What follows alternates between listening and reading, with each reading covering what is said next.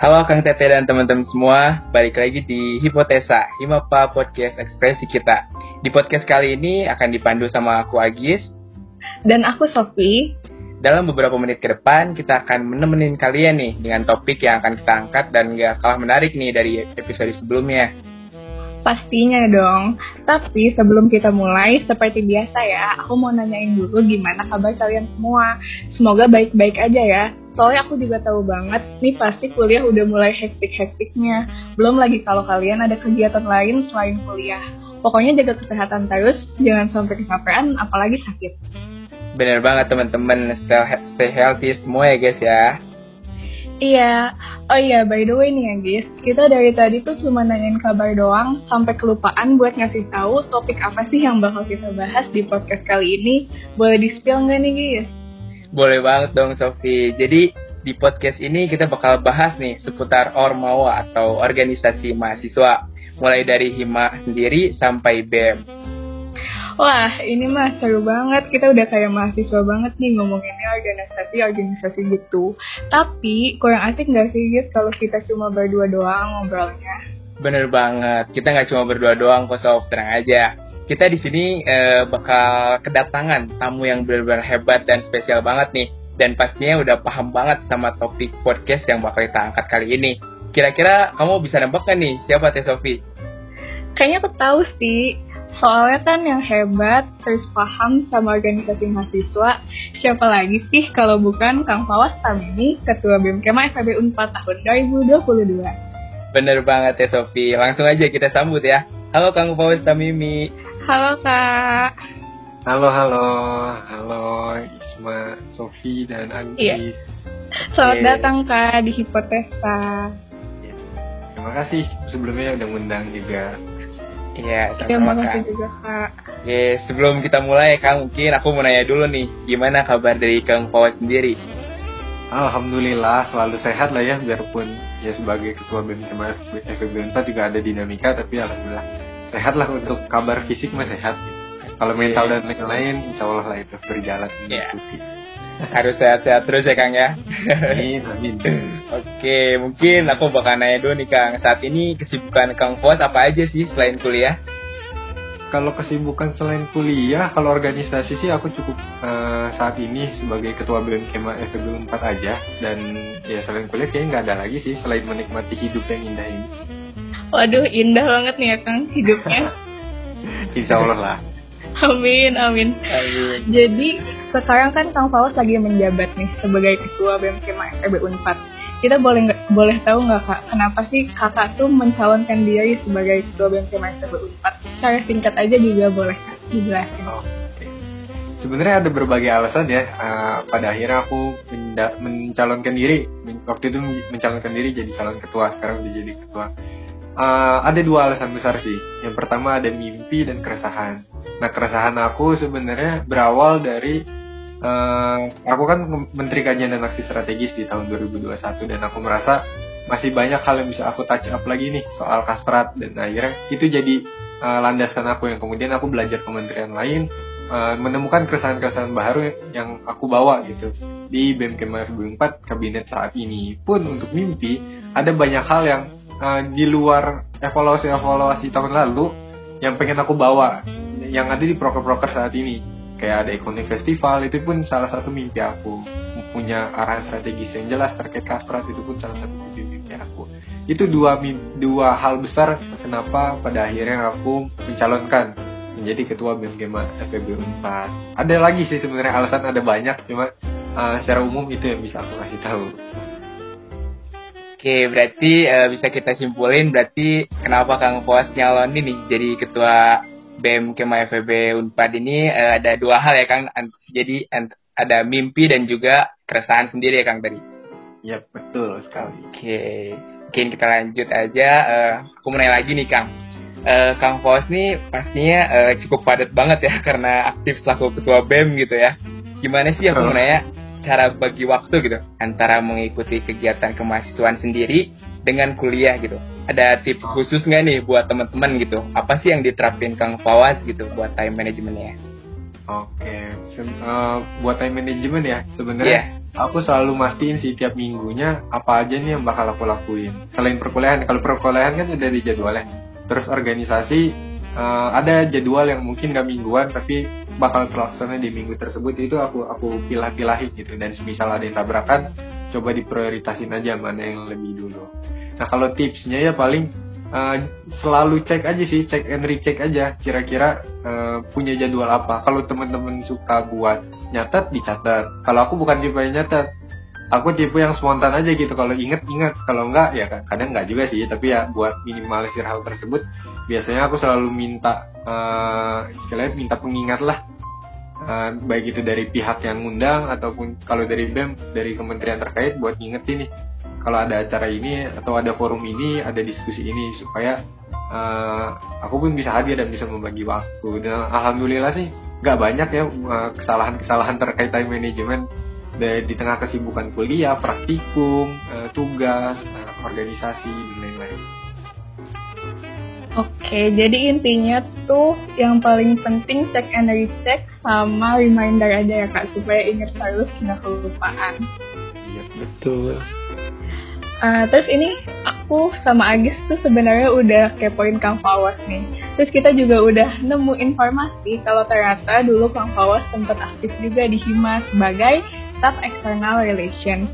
Bahkan Kang Fawas juga sempat jadi OCP di salah satu program besar HIMA Akuntansi. Kalau nggak salah namanya Simfoni bukan kak? Oh, sebentar. Kayaknya ada sedikit. Uh, boleh aku koreksi sedikit? Boleh, boleh, boleh. Boleh banget. Boleh. Aku, aku lupa. Ya, uh, aku uh, di tahun 2020 menjadi staff dari External Relation Hima Akuntansi FEB. Nah, untuk OCP Simponi di tahun yang sama, tapi itu proker dari Kementerian Kajian dan Aksi Strategi. Oh, jadi itu dari BEM Kema ya, Kak? Ya, dari BEM Kema FEB Unpad saat itu. Oh, berarti okay, bukan okay. dari Hima ya, Kang ya? Iya. Salah nih info kita, Gi. Oke, nggak apa-apa deh. Yang penting kita dapat pengalamannya deh. Iya, yang penting tahu. Oke, okay, mungkin ini pertanyaannya gini sih kak, kan OCP itu butuh tanggung jawab yang cukup besar ya kak. Nah, sebelumnya itu Kak Fawas udah sempat dapat tanggung jawab itu juga atau ini tuh pertama kalinya Kak Fawas dapat tanggung jawab besar sebagai OCP? Untuk menjadi OCP pertama kali, makanya itu oh. jadi event kebanggaan aku juga bisa memimpin satu, satu event besar dan baru gitu dan ranahnya itu ranah yang nggak biasa itu ranah pergerakan makanya aku seneng banget waktu itu uh, dipercayai sama menteri aku buat jadi OCP simposium ekonomi Oke, okay, tapi mungkin kan kalau misalnya buat pertama kali banget nih kak, pasti ada kesulitan-kesulitan yang kak Fawas hadapi. Itu kesulitan yang dihadapi itu apa aja, terus kak Fawas nanganinnya dengan cara apa? Pasti ada, kesulitan itu pasti ada. Apalagi proker ini proker baru juga waktu itu konsepnya baru Nah itu jadi satu satu kendala besar sebenarnya buat aku. Gimana aku membrainstorming, membuat suatu konsep acara yang benar-benar fresh dan bisa diterima oleh Kemang FEB 4 tentunya. Nah itu jadi benar PR besar. Karena ya aku uh, sama waktu itu sama manajer acara sama teman-teman uh, divisi-divisi lain ya itu berdiskusi panjang lebar untuk menemukan suatu formula. Dan akhirnya kita menemukan itu uh, sebenarnya bu bukan jadi suatu formula tapi bisa jadi event yang benar-benar mengangkat nama FEB Unpad. Bahkan kita bisa ngundang seorang Pak Faisal Basri ke acara uh, Simposium Ekonomi tahun 2020 saat itu. Oke, berarti uh, pengalaman buat Kang Fuas sendiri selaku pertama kali gitu ya jadi OCP berarti itu benar-benar bikin Kang Fuas bangga banget ya Kang. Pastinya Pasti. bangga banget langkah besar sih buat aku. Iya benar. Berarti ya uh, bisa kita simpulin ya teman-teman. Berarti pengalaman Kang Fawas itu di selain di PM dan Hima itu cukup banyak ya dan menarik juga dan tentunya uh, bikin bangga gitu selaku jadi pernah uh, pertama kali jadi OCP dan selama ngejalaninnya nih Kang Kang Fawas pernah ngerasa nggak sih ada perbedaan gitu antara di BEM sendiri dan Hima gitu perbedaan itu apa aja nih Kang boleh di spill buat teman-teman semua nih uh, paling aku kasih banyak sebenarnya banyak perbedaan dari hima apalagi aku kan hima akuntansi ya punya bu dan, dan tiap hima itu punya budaya yang masing-masing nah yang aku rasain perasaan paling besar yang aku temui itu hima itu punya uh, nilai kerja yang lebih bagus bukan berarti bem nggak bagus ya tapi bem itu tempat yang nyaman untuk belajar. Nah, Hima itu tempat yang nyaman untuk bekerja. Jadi Hima akuntansi itu tempat aku waktu itu menjadi staff punya sistematika kerja yang sangat bagus gitu. Jadi setiap timeline itu diperhatikan, setiap proker itu diperhatikan, uh, pun progres itu selalu di, dipastikan sesuai sama yang sudah direncanakan. Nah kalau BEM itu menurut aku lebih tempat uh, yang menyenangkan gitu. Kita bisa mengeksplor apa pun selama itu masih sesuai sama apa yang uh, istilahnya sesuai sama tupoksi dari uh, program kerjanya misalnya. Aku kan kasrat uh, kita bikin kajian, kita bisa mengeksplor tuh kajian apa yang pengen kita buat, pengen bahas apa, tujuannya ke siapa, isunya uh, kayak gimana. Nah kalau Hima, uh, karena punya sistematika kerja, biasanya kalau misalnya uh, kita udah disuruh A, uh, kita kita boleh punya jalan yang belok-belok atau lurus atau segala macam, tapi tujuan A itu harus tercapai. Sebenarnya BEM juga sama, tapi uh, lebih lebih fleksibel dan lebih menyenangkan. Itu sih hal besar yang aku rasain uh, antara Hima dan BEM. Nah tentunya uh, tiap hima itu punya budaya masing-masing dan kalau aku lihat ya screening besar uh, kurang lebih sama, cuma beda stylenya aja gitu antara hima uh, akuntansi, manajemen, akuntansi perpajakan dan lain-lain. Oke, berarti bisa disimpulin dari jawaban Kang Kos tadi uh, Hima tuh tempat yang nyaman untuk bekerja ya Kang ya. Kalau BEM sendiri tempat yang nyaman untuk kita belajar mungkin ya. Oke, jadi uh, mungkin uh, antara Hima dan BEM dua-duanya mungkin punya value dan kelebihan sendiri ya Kang buat teman-teman. Betul. Ya, betul. Oke, mungkin boleh dilanjut dari Sofi. Ada lagi nggak nih yang mau ditanyain? Ada dong, masih banyak banget nih kepo. dari penjelasan Kang Fawas tadi sih uh, aku menangkapnya Kang Fawas sudah kenal banget nih sama BEM sama Hema sama Hima juga. Terus aku yang kepo itu kenapa sih Kang Fawas bisa betah di organisasi kampus padahal yang aku baca-baca tuh sekarang minat mahasiswa udah mulai turun ya Kak buat join ikutan organisasi kampus. Tapi Kang Fawas nih dilihat-lihat minatnya nggak pernah turun jadi aku bingung kenapa bisa betah banget. Boleh dikasih tahu nggak Kak? Iya benar banget. Apa yang bikin betah? Terus emang dapat apa aja sih kalau join organisasi kampus itu? benefit itu apa aja sih kan betul betul uh, sekarang itu jadi suatu isu ya di ranah kaderisasi ataupun ya di ranah ormawa secara iya, keseluruhan, yeah, keseluruhan gitu di mana uh, awareness untuk mengikuti organisasi itu semakin menurun karena ada persaingan ada pasar yang lebih menarik gitu. Ada kampus merdeka ada internship yang lebih luas dan lain-lain apalagi ditambah pandemi. Nah kalau kenapa pada akhirnya aku memilih untuk organisasi me, istilahnya mensar, mensar, mensarjanakan diri sendiri gitu sebagai SBM tiga tahun ya di BEM bahkan lebih yeah. aku sempat staf magang juga. Itu sebenarnya simpel. Uh, sebenarnya ada beberapa, beberapa hal tapi yang paling simpel yang menurut aku menyenangkan itu kita jadi mahasiswa itu cuma empat tahun. Maksimal tujuh tahun sih kalau misalnya kita mau nambah semester ya tapi jangan sampai gitu. Ideal jangan sampai dong kak. jadi mahasiswa itu empat tahun. Iya. nah uh, aku berpikir gini kita kita ada batasnya nih jadi mahasiswa. Mendingan kita nikmatin dulu apa aja yang bisa kita terima sebagai mahasiswa. Salah satunya organisasi ormawa organisasi mahasiswa.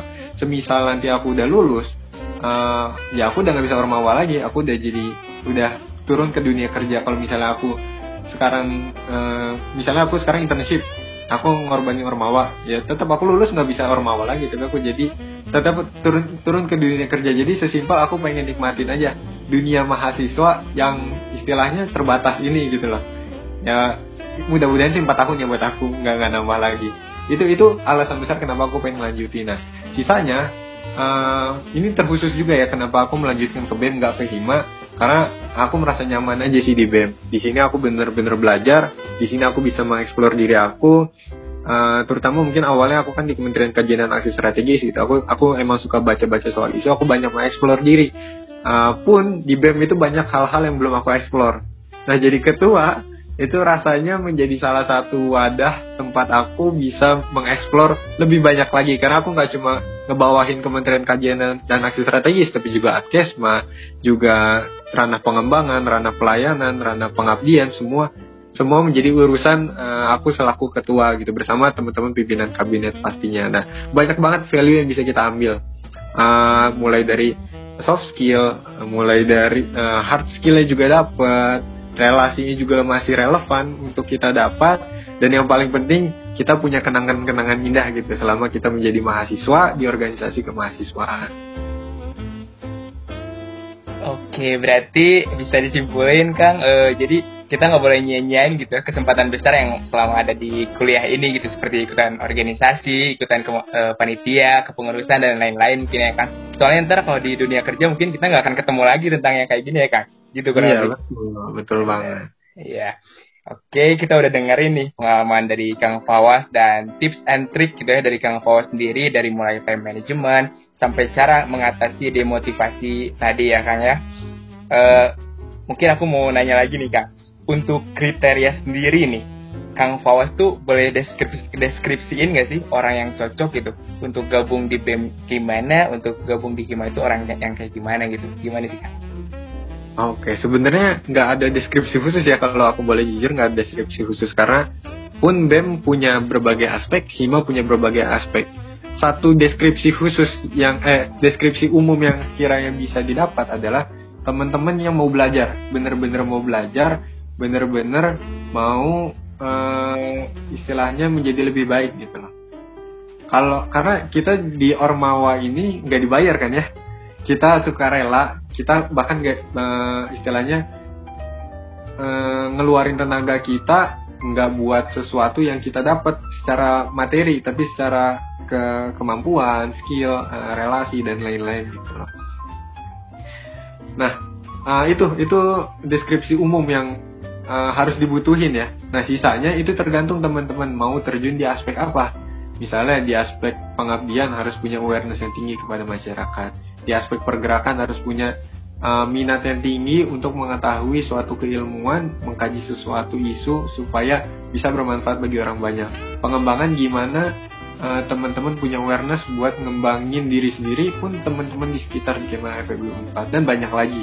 Banyak banget aspek-aspek uh, khusus per uh, yang mau teman-teman tuju karena BEM ini luas. BEM itu nggak sesimpel kita organisasi, kita belajar pro, dari proker, tapi lebih luas dari itu di mana BEM itu bisa jadi rumah, Hima juga bisa jadi rumah. Maksudnya dua ormawa ini bisa jadi rumah, bisa jadi tempat bersenang-senang, bisa jadi tempat untuk memusingkan diri atau melarikan diri dari kepenatan kuliah. Banyak banget yang bisa kita uh, dapetin gitu. Jadi emang luas dan nggak ada spesifik uh, spesifikasi khusus gitu, terkait dua ormawa ini. Oke, jadi mungkin untuk deskripsi sendiri orang yang orangnya yang kayak gimana mungkin nggak ada yang signifikan banget ya Kang ya. Betul. Jadi bisa balik lagi ke diri sendiri. Kita mau milih di BEM ataupun HIMA eh, tergantung bagaimana minat dan bakat kita sendiri mungkin ya Kang ya. Iya betul banget. Oke, jadi gimana nih Sof? Mungkin ada lagi nih yang mau ditanyain ke Kang Fawaz. Sebenarnya masih banyak banget sih gitu yang mau ditanyain. Cuma sayangnya kita kan ada durasi ya gitu. Mungkin ini yeah, kita bener. masuk ke pertanyaan terakhir aja nih Kak. Uh, ini sebenarnya bukan pertanyaan sih lebih ke Kang Fawas ada nggak sih yang mau disampaikan buat teman-teman yang mungkin lagi dengerin podcast ini? Oke. Okay. Closing Paling statement dari Kang Fawas nih Kang gimana? Closing statement ya. Iya okay, yeah, betul. closing statement. Oke. Okay. Buat teman-teman ya uh, yang mendengarkan podcast ini, aku harap teman-teman itu punya semangat yang tinggi untuk belajar. Bukan cuma di bangku perkuliahan, tapi di bangku organisasi pun teman-teman uh, ini menjadi wadah peluang besar.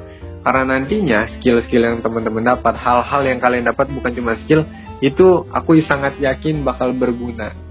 Atau seminimal ya teman-teman itu jangan sampai uh, bukan kecewa jangan sampai menyesal karena tidak menikmati masa-masa di bangku perkuliahan. Nah, Ormawa, organisasi kemahasiswaan, baik itu BEM, himpunan dengan gayanya masing-masing, dengan style yang masing-masing yang ada di FEB 4 ini, uh, punya opsi yang besar untuk teman-teman. Mau teman-teman mau ke BEM, mangga, itu pilihan teman-teman. Teman-teman mau ke HIMA, mangga.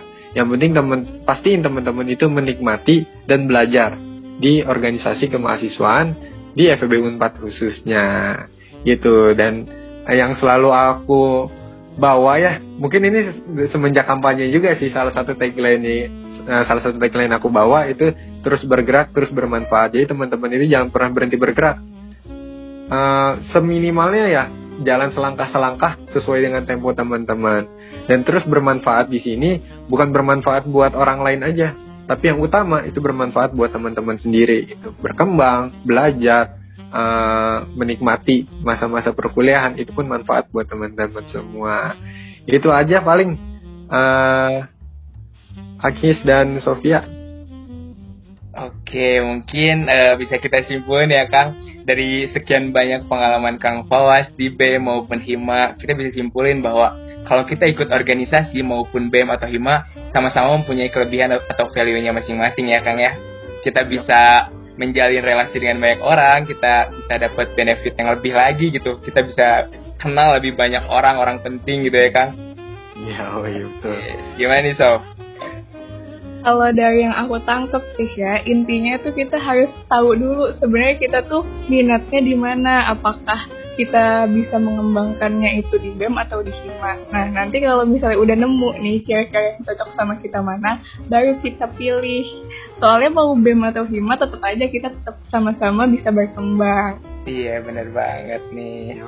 Oke, mungkin ternyata banyak banyak juga ya insight baru gitu yang bisa kita ambil dari obrolan kita nih bareng Kang Fawas kali ini. Semoga yang udah disampaikan Kang Fawas tadi bisa menginspirasi kita semua dan bisa dijadiin motivasi gitu buat teman-teman semua yang mau ikutan organisasi, mahasiswa maupun BEM atau HIMA. Terima kasih banyak nih buat Kang Fawas udah meluangkan waktunya buat datang ke Hipotesa dan berbagi pengalaman nih Kang Fawas yang keren dan hebat banget sih menurut aku ya Sob. Ya, makasih banyak ya Kang Pawas. Pertanyaan dari kita tadi udah sangat terjawab. Aku sama Agis juga selaku podcaster mohon maaf kalau misalnya ada kesalahan kata maupun perbuatan ya Kak. Aman, aman. Oke, terima kasih juga buat teman-teman yang udah dengerin podcast Hipotesa ini dari awal sampai akhir. Sampai di sini aja episode kali ini. Aku Agis.